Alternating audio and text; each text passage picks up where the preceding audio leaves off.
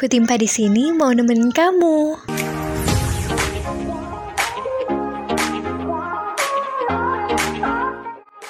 Kembali lagi di podcast Fast of Panda segmen Kutimpa yaitu Kuatnya MIPA. Podcast ini dipersembahkan oleh BEM FMIPA Departemen Advokasi dan Kesejahteraan Mahasiswa. Selamat mendengarkan.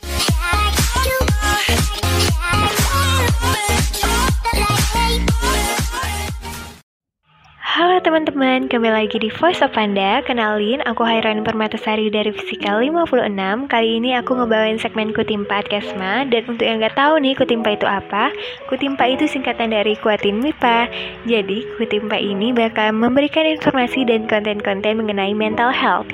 Kali ini kita bakal ngebawain tema tentang How to Cope with Suicidal Thoughts. Dan kita kedatangan bintang tamu yang luar biasa spesial nih, yang bakalan kita ajak untuk sharing-sharing tentang hal ini yaitu Kak Baik Sophia Iswari Aziza MPSI Psikolog dari Catatan Psikologi. Halo Kak Pia, apa kabar nih Kak? Halo Kak, Alhamdulillah baik. Kak sendiri gimana? Alhamdulillah, Kak juga baik banget. Oke nih Kak, biar yang lainnya pada kenal sama Kakak, sebelum kita melanjut ke pembahasan kita hari ini, ada baiknya kalau kita kenalan dulu nih Kak. Bisa nggak Kak Pia kenalin diri Kakak uh, terlebih dahulu nih? Oke, boleh banget. Tadi uh, sebelumnya jadi kan Kai sudah kenalin nama lengkapku ya. Namanya panjang banget ya. Kalau orang-orang ngelihatnya pasti panjang banget, tapi teman-teman jangan takut karena aku biasanya dipanggil Pia atau teman-teman yang lainnya juga banyak yang manggil aku Pai kayak gitu. Jadi eh, silakan teman-teman bisa manggil aku Pia atau Pai. Di sini aku salah satu perwakilan dari catatan psikologi. Teman-teman bisa cek di Instagram at catatan psiko underscore psikologi atau bisa langsung cek di websitenya catatanpsikologi.com. Oke, jadi untuk teman-teman yang baru tahu sama Kapia, kenalin ini Kapia dari catatan psikologi. Oke, nggak perlu berlama-lama, kita langsung aja masuk ke pembahasan kita hari ini, yaitu tentang suicidal thoughts. Nih, menurut Kapia nih sebagai seorang psikolog, suicidal thoughts itu apa sih dan kenapa bisa timbul yang namanya suicidal thoughts? Oke, kalau di bahasa Indonesia kan itu pemikiran terhadap bunuh diri ya, kayak gitu suicidal thoughts. Jadi sebenarnya apa itu, kenapa kok bisa, terus siapa aja yang uh, sering uh, memikirkan terkait bunuh diri, kayak gitu siapa aja sih sebenarnya kayak gitu kan. Uh, kalau suicidal thoughts sendiri itu pikiran jadi gabungan antara pikiran perasaan terkait dia ingin melakukan bunuh diri kayak gitu. Jadi nggak cuma terkait pikiran aja ya kayak gitu yang dia pikirkan aja atau cuma niat aja tapi ada juga yang sudah hingga menyiapkan dan melakukan kayak gitu. Jadi ada yang baru pertama kali mencoba untuk bunuh diri ada yang beberapa udah beberapa kali kayak gitu. Jadi ini uh, pemikiran dulu kayak gitu. Pemikiran dulu yang sudah yang akan muncul sebelum pelaksanaan kayak gitu. Sebelum terjadinya uh, bunuh diri. Dan biasanya uh, yang sering punya pikiran terkait suicidal thoughts itu kebanyakan malah laki-laki ya dibandingkan perempuan. Dari hasil penelitian itu lebih banyak yang laki-laki dibandingkan perempuan. Kenapa? Karena uh, kalau perempuan itu mungkin uh, akan oke okay, banyak gitu loh perempuan yang mencoba untuk uh, berpikiran untuk mengakhiri hidupnya. Tapi nggak nggak banyak yang hingga menerapkan itu kayak gitu. Nggak banyak yang sudah berani melakukan itu dibandingkan laki-laki. Laki-laki ini tipikal yang uh, langsung kayak gitu yang lebih berani. Kemudian kalau perempuan kan kecenderungannya itu suka bercerita ya. Jadi ketika ada masalah dia langsung menceritakan kayak gitu berbeda dengan eh, laki-laki uh, karena mungkin memang laki-laki itu memiliki ego yang lebih tinggi dibandingkan perempuan. Biasanya kecenderungannya memang mereka akan lebih memendam. Makanya kenapa kok uh, lebih banyak laki-laki yang melakukan percobaan bunuh diri dibandingkan perempuan. Kalau alasan kenapa kok orang-orang itu punya pemikiran tentang atau terkait bunuh diri itu sebenarnya ada banyak banget penyebabnya baik itu uh, stresor lingkungan, kemudian kondisi psikologisnya dia. Selanjutnya ada juga yang mengatakan bahwa uh, pemikiran terkait bunuh diri itu muncul karena uh, biologis kayak gitu. Jadi ada biopsikososial, ada biologi, psikologi dan sosial. Biologis ini uh, ini masih banyak juga maksudnya yang pertentangan terkait biologisnya. Cuma memang kita tetap harus lihat biologis ini nggak melulu karena oh dia gennya orang tuanya dulu pernah melakukan bunuh diri terus anaknya akan melakukan atau memiliki pemikiran terkait bunuh diri tetapi memang harus diperhatikan lagi biasanya orang tua atau keluarga lain yang memang memiliki pengalaman entah itu pengalaman bunuh diri atau memiliki kondisi kesehatan mental atau gangguan mental yang memang sudah terdiagnosa di keluarganya, bisa jadi uh, keturunannya memang lebih beresiko dibandingkan yang tidak memiliki keluarga dengan gangguan mental. Terus secara psikologis nih, uh, secara psikologis ini kondisi mentalnya dia seperti apa? Baik itu kepribadiannya dia, kepribadiannya dia bagaimana nih? Apakah dia kecenderungan uh, memiliki kepribadian yang uh, cenderung penutup, menutup diri. Nah, kemudian apakah dia tipikal yang uh, punya coping stres yang baik atau tidak? Selanjutnya ada sosial. Sosial ini stresor stresor luar ya, bukan dari dalam dirinya sendiri.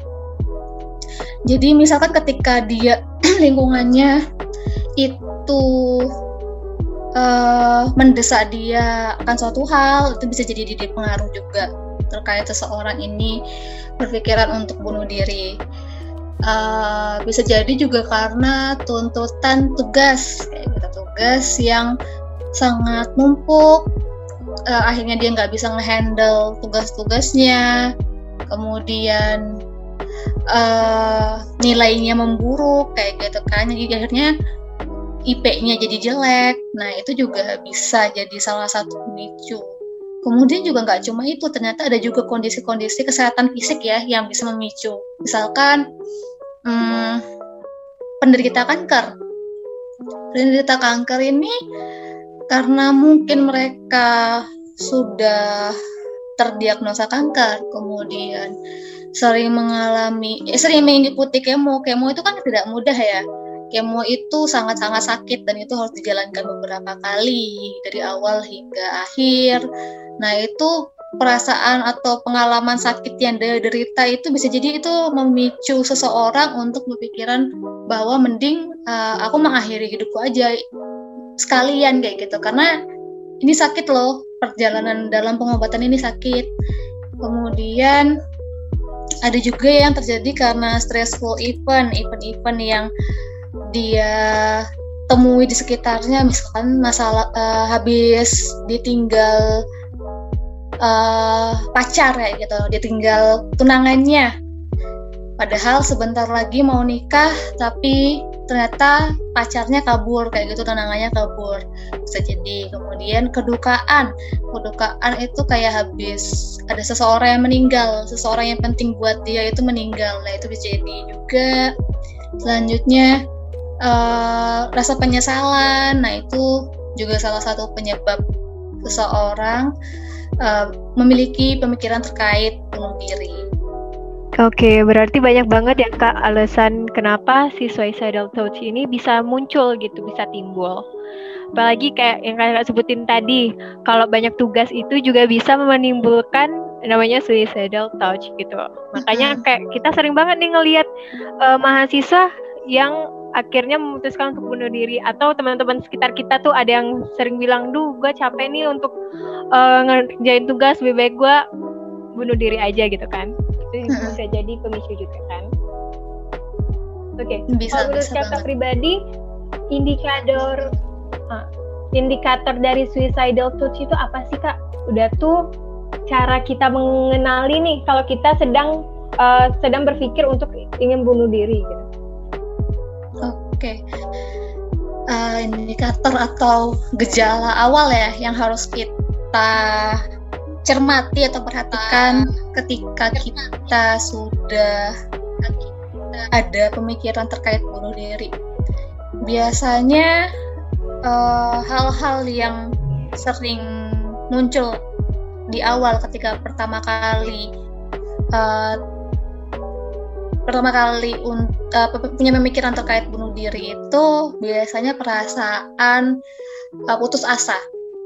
Putus asa karena apa? Karena banyak hal.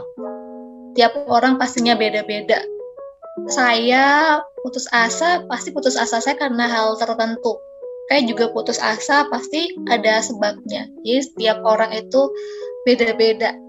Kenapa dia merasa putus asa? Tapi kok ada nih orang yang putus asa tapi nggak memiliki pemikiran uh, untuk bunuh diri kayak gitu ada ada juga yang uh, langsung down tadi yang saya bilang di awal itu karena ada faktor pemicunya tadi ada beberapa hal yang biopsikososial itu ada yang memang memang uh, dia tingkat ketahanan resistensinya dia terhadap uh, stres itu tinggi, itu dia ketika putus asa ya udah dia bisa menanganinya. Tapi berbeda dengan orang-orang yang kesulitan untuk mencari coping stresnya itu pasti uh, pemikiran untuk bunuh diri itu sangat-sangat cepat muncul.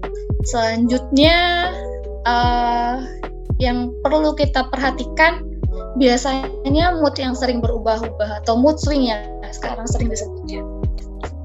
Itu perlu diperhatikan jadi biasanya ketika mood swingnya cenderung cepat, terus lebih sering mood depresi. Biasanya ya mood depresi itu yang sedih secara terus menerus, kemudian merasa tidak dirinya tidak berharga. Selanjutnya dia uh, merasa tidak ada orang lain yang mendukungnya, dia merasa sendiri, uh, dia sudah kehilangan nafsu makan, kehilangan minat untuk istirahat, pola kehidupannya memburuk, kita juga salah satu tuh uh, indikator atau ciri-ciri seseorang akan gampang memiliki pemikiran untuk melakukan bunuh diri. Selanjutnya, tadi yang saya bilang, adanya perubahan rutinitas dan pola tidur. Nah, rutinitasnya ini misalkan sehari-hari, misalkan itu sebagai mahasiswa ya. Sebagai mahasiswa itu sehari-hari pagi sampai sore kuliah, malam nugas kayak gitu. Tapi ini rutinitasnya berubah kayak gitu. Pak oke pagi sampai siang itu kuliah, tapi siang sampai sore yang harusnya kuliah malah dilakukan dengan hal yang lain. Gitu. Terus uh, malah siangnya tidur malamnya malah begadang terus sampai pagi nggak tidur ngerjain tugas nah itu kan juga salah tuh polanya itu udah salah kemudian uh, mulai mencoba untuk mengkonsumsi obat-obatan.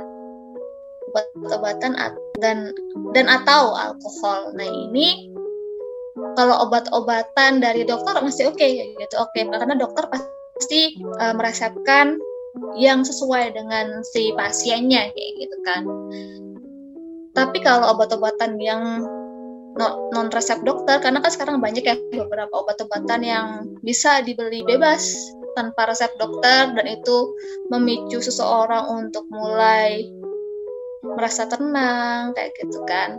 Terus atau memicu seseorang untuk memiliki energi yang berlebih tergantung jenis obatnya lagi ya itu nanti jadi mengkonsumsi obat-obatan atau alkohol ini juga bisa kayak gitu apalagi kalau alkohol alkohol itu uh, di ketika diminum secara berlebih kayak gitu kan secara berlebih pastinya kadar sadarnya sadarnya seseorang itu pasti uh, sudah mulai menurun nah itu bisa juga sangat-sangat gampang untuk muncul uh, pemikiran-pemikiran terkait bunuh diri. Selanjutnya uh, biasanya uh, ada namanya panic attack. Panic attack itu salah satu gejala dari gangguan panik. Tapi belum tentu gangguan panik. Ini salah satu gejala aja di mana uh, kita itu merasa bahwa diri kita itu sakit kayak gitu padahal enggak kemudian jantung berdegup kencang. Nah, biasanya orang-orang yang panic attack ini sering muncul sebenarnya dia nggak nggak ingin melakukan atau nggak punya pemikiran terkait bunuh diri tapi sering muncul ketakutan akan kematian. Kayak gitu. Jadi muncul aduh ini kenapa? Kok aku badanku respon tubuhku seperti ini? Apakah aku mau mati? Nah, pemikiran kayak gitu. Nah itu biasanya nanti bisa berlanjut uh, terkait pemikiran bahwa uh, mending aku mati aja kayak gitu mending bunuh diri. Selanjutnya uh, indikator lainnya itu perlu diperhatikan kalau kita sudah jarang bersosialisasi, melakukan kontak sosial dengan orang lain, melakukan hubungan interpersonal dengan orang lain. Nah, ini perlu diperhatikan lagi kayak gitu. Jadi uh, apalagi ya sekarang pandemi kayak gitu kan.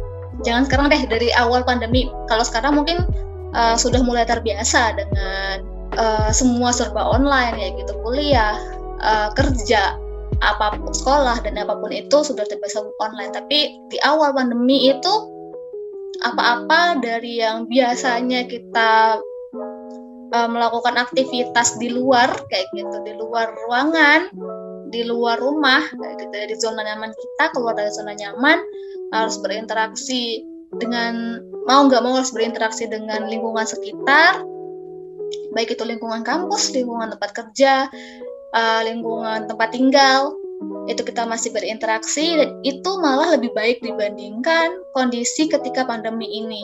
Makanya kenapa kok ketika pandemi berlangsung itu banyak orang yang mengalami depresi karena tadi salah satu gejala depresi itu ya pemikiran akan bunuh diri itu.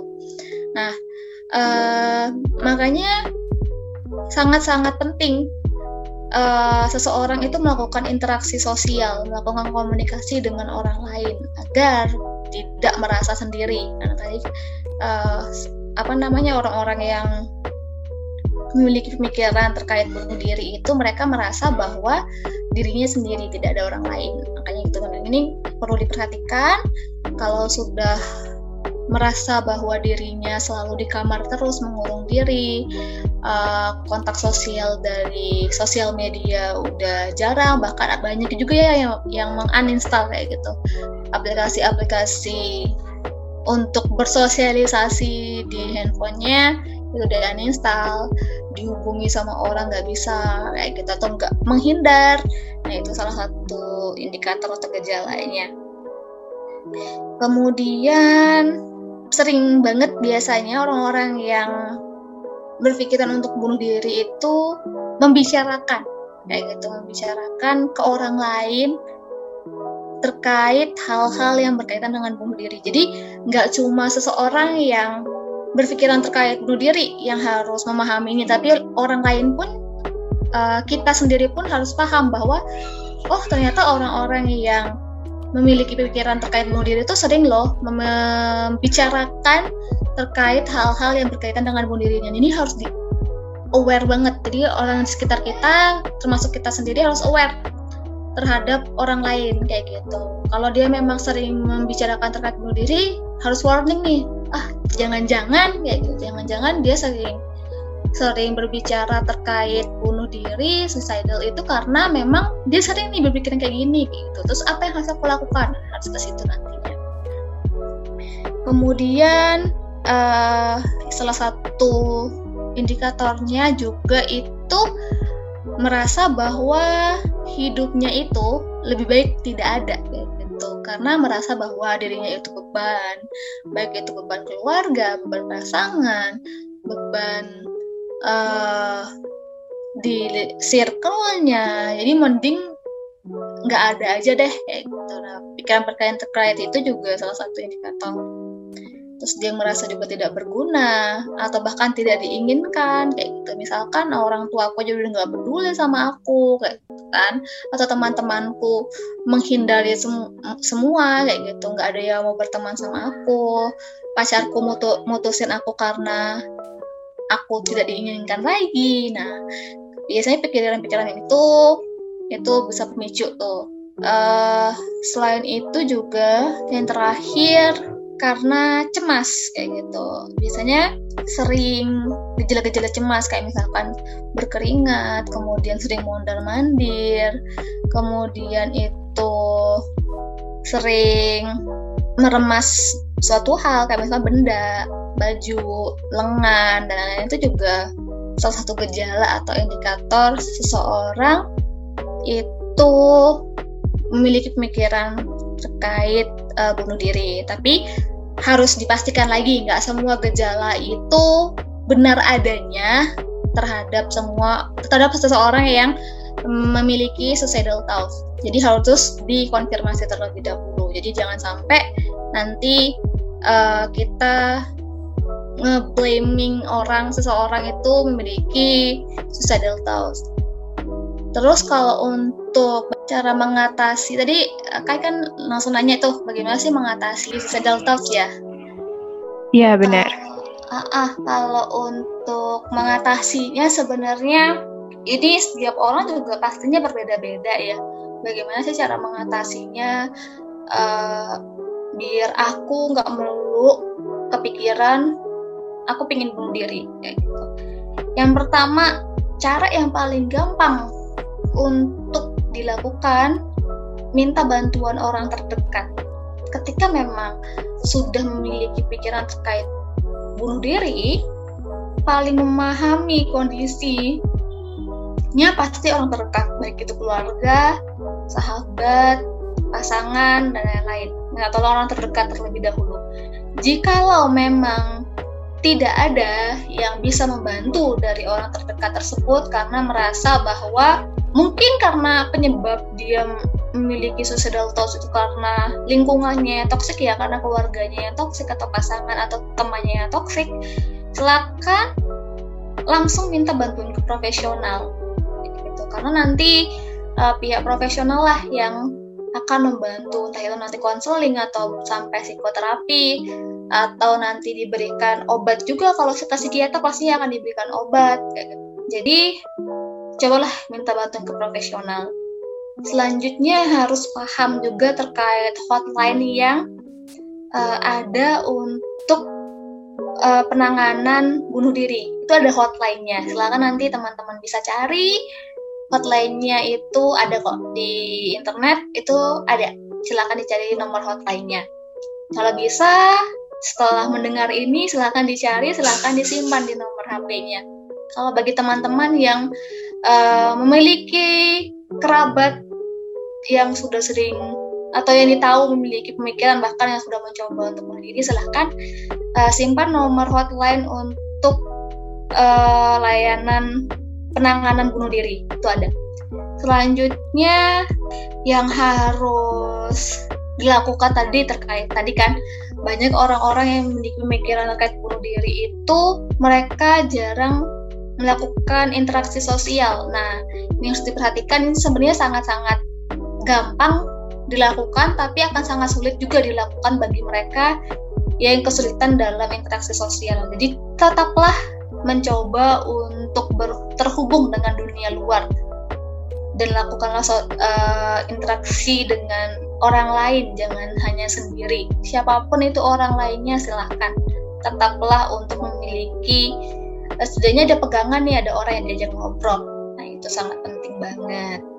Nah tadi juga terkait obat-obatan dan alkohol kayak gitu. Jadi yang masih menggunakan atau uh, ini hitungannya penyalahgunaan zat adiktif ya Nah itu sebenarnya memang harus dikurangi secara perlahan. Saya nggak menyuruh untuk berhenti kayak gitu karena pasti sulit banget, sulit banget untuk berhenti. Sama kayak kita orang Indonesia yang setiap harinya makan nasi nih misalkan kalau disuruh berpindah ke berhenti makan nasi terus berpindah ke roti kan nggak bisa ya. Jadi secara perlahan silakan mencoba untuk mengurangi atau menghindari alkohol dan obat-obatan.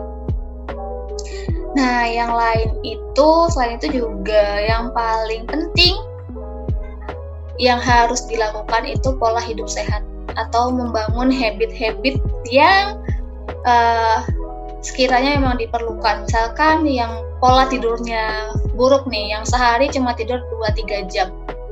Saya paham sebagai dulu saya juga pernah jadi mahasiswa, saya paham mahasiswa itu sangat sulit untuk mengatur pola tidur. Saya yakin banget tidurnya berantakan ya. Tapi setidaknya memang harus dicoba untuk membenahi, membuat jadwal-jadwal Kemudian mahasiswa itu juga susah banget untuk mengontrol pola makan. Nah ini juga jangan sampai ini karena kesulitan untuk mengontrol pola makan itu menyebabkan adanya pikiran-pikiran yang muncul terkait uh, bunuh diri. Mungkin dari saya untuk cara mengatasinya itu kayak. Oke, berarti banyak banget ya menjadi indikator terjadinya atau timbulnya pemikiran tentang suicidal thoughts. Lalu e, cara mengatasinya juga kayak kita harus banget nih minta tolong sama orang lain, orang terdekat ataupun orang yang udah profesional. Selain itu, kalau kita benar-benar butuh bantuan dan kita nggak tahu nih mau e, bertanya atau minta tolong sama siapa, bisa banget untuk teman-teman menghubungi hotline penanganan bunuh diri Indonesia gitu dan bisa dicari di uh, Google ya hotline-nya. Lalu gini nih kak, uh, kan kayak yang kakak bilang tadi nih, kurang sosialisasi. Tapi terkadang kita tuh tidak ingin sosialisasi ketika sedang stres gitu loh kak. Jadi kan makin makin makin nih otak nih mikirnya kayak, aduh pusing nih gue stres, pengen bunuh diri aja gitu kan ada ya mungkin. Nah, menurut kakak, gimana sih biar kita mau bisa memulai untuk sosialisasi gitu sama orang-orang baru ketika posisi kita sedang berpikir, oh kita mau bunuh diri gitu? Oke, okay. uh, eh, ya memang pasti karena ya stigma ini juga terkait stigma ya yang terjadi di masyarakat kita bahwa uh, pemikiran untuk bunuh diri itu juga sangat-sangat konotasinya negatif banget ya di masyarakat kayak gitu. Ketika kita berbicara bahwa uh, aku kok ngerasa aku pengen mati aja ya. Nah banyak tuh yang ngejudge bahwa kok kamu kayak gitu sih kayak gitu. Jadi bukan bukan uh, berempati dan bersimpati dulu nih bukan mendengarkan terlebih dahulu tapi langsung ngejudge kok kamu kayak gitu sih? Janganlah kayak gitu. Ya gimana? Nggak mungkin jangan kan kayak gitu nggak mungkin seorang itu ketika disuruh jangan untuk berpikiran negatif langsung menghilang jangannya. Nggak mungkin. Jadi uh, pertama ya penyebabnya karena itu. Jadi banyak orang-orang yang sudah memiliki suicidal thoughts itu sulit untuk melakukan interaksi sosial dengan siapa pun karena pasti pemikirannya udah larinya ke sana dulu. Jadi mulailah maksud saya uh, kita harus melakukan sosialisasi itu atau melakukan interaksi sosial itu bukan ke orang-orang yang mungkin tidak dikenal enggak enggak. Tapi kita harus mencoba untuk keluar dulu. Biasanya pemikiran-pemikiran terkait suicidal thoughts itu muncul di mana ketika kita sendiri ketika kita berada di kamar ketika kita merenung ketika kita bersedih. Kalau sedih kan nggak mungkin ya di tempat rame gitu. Ketika di kafe tiba-tiba sedih dia nangis gitu kan. Nggak mungkin. Tapi biasanya muncul ketika kita sendiri. Nah ini ketika kita sendiri ini karena udah terbiasa sendiri biasanya itu sering muncul. Makanya tadi kenapa kok kita harus interaksi sosial biar kita nggak merasa sendiri kayak gitu. Karena ya tadi kayak indikatornya orang-orang yang punya pemikiran terkait bunuh diri merasa bahwa dia dia ini sendirian loh di dunia ini. Nggak ada orang yang mau dengerin dia nggak ada yang mau uh, dukung dia nggak ada yang menyayanginya. Nah itu biasanya. Jadi uh, harus harus banyak ya kalau nggak diri sendiri siapa lagi yang bisa memaksa? Ya diri sendiri yang memang harus memaksakan diri untuk keluar dari zona. Itu bukan zona nyaman sebenarnya zona hitamnya dia kamarnya. Biasanya kamar itu zona hitam seseorang yang uh, memiliki suicidal thoughts. Biasanya itu zona hitam. Saya nyebutnya itu zona hitam karena cuma di kamar biasanya sering muncul. Jadi keluar dari sana coba untuk berbicara. Berbicara apa? Nggak perlu berbicara terkait uh, dia memiliki pemikiran terhadap dirinya sendiri bahwa dia ingin mati nggak perlu itu dulu. Tapi bicaralah atau berdiskusilah terkait hal-hal yang menyenangkan atau hal-hal yang ingin dia bicarakan ke orang lain. Silakan untuk berdiskusi atau berbicara dengan orang lain baik itu teman baik itu saudara orang tua keluarga pasangan dan lain-lain. Yang dia rasa nyaman. Ketika nyaman sudah bisa berinteraksi biasanya itu akan mengurangi pikiran-pikiran terhadap bunuh diri. Oke, okay, uh, eh, berarti harus dipaksain ya teman-teman. Kalau yang masih berada di kamarnya aja, nggak mau sosialisasi, wajib banget dipaksain biar bisa keluar dari zona hitam dan nggak muncul pemikiran untuk bunuh diri gitu. Oke, okay, gak nyangka nih kita udah ada di penghujung podcast yang lumayan cukup berat nih ya pembahasannya tentang bunuh diri. Nih, untuk Kak Pia bisa nggak nih kasih kita closing statement ataupun saran uh, untuk anak-anak FMIPA lainnya? Oke. Okay.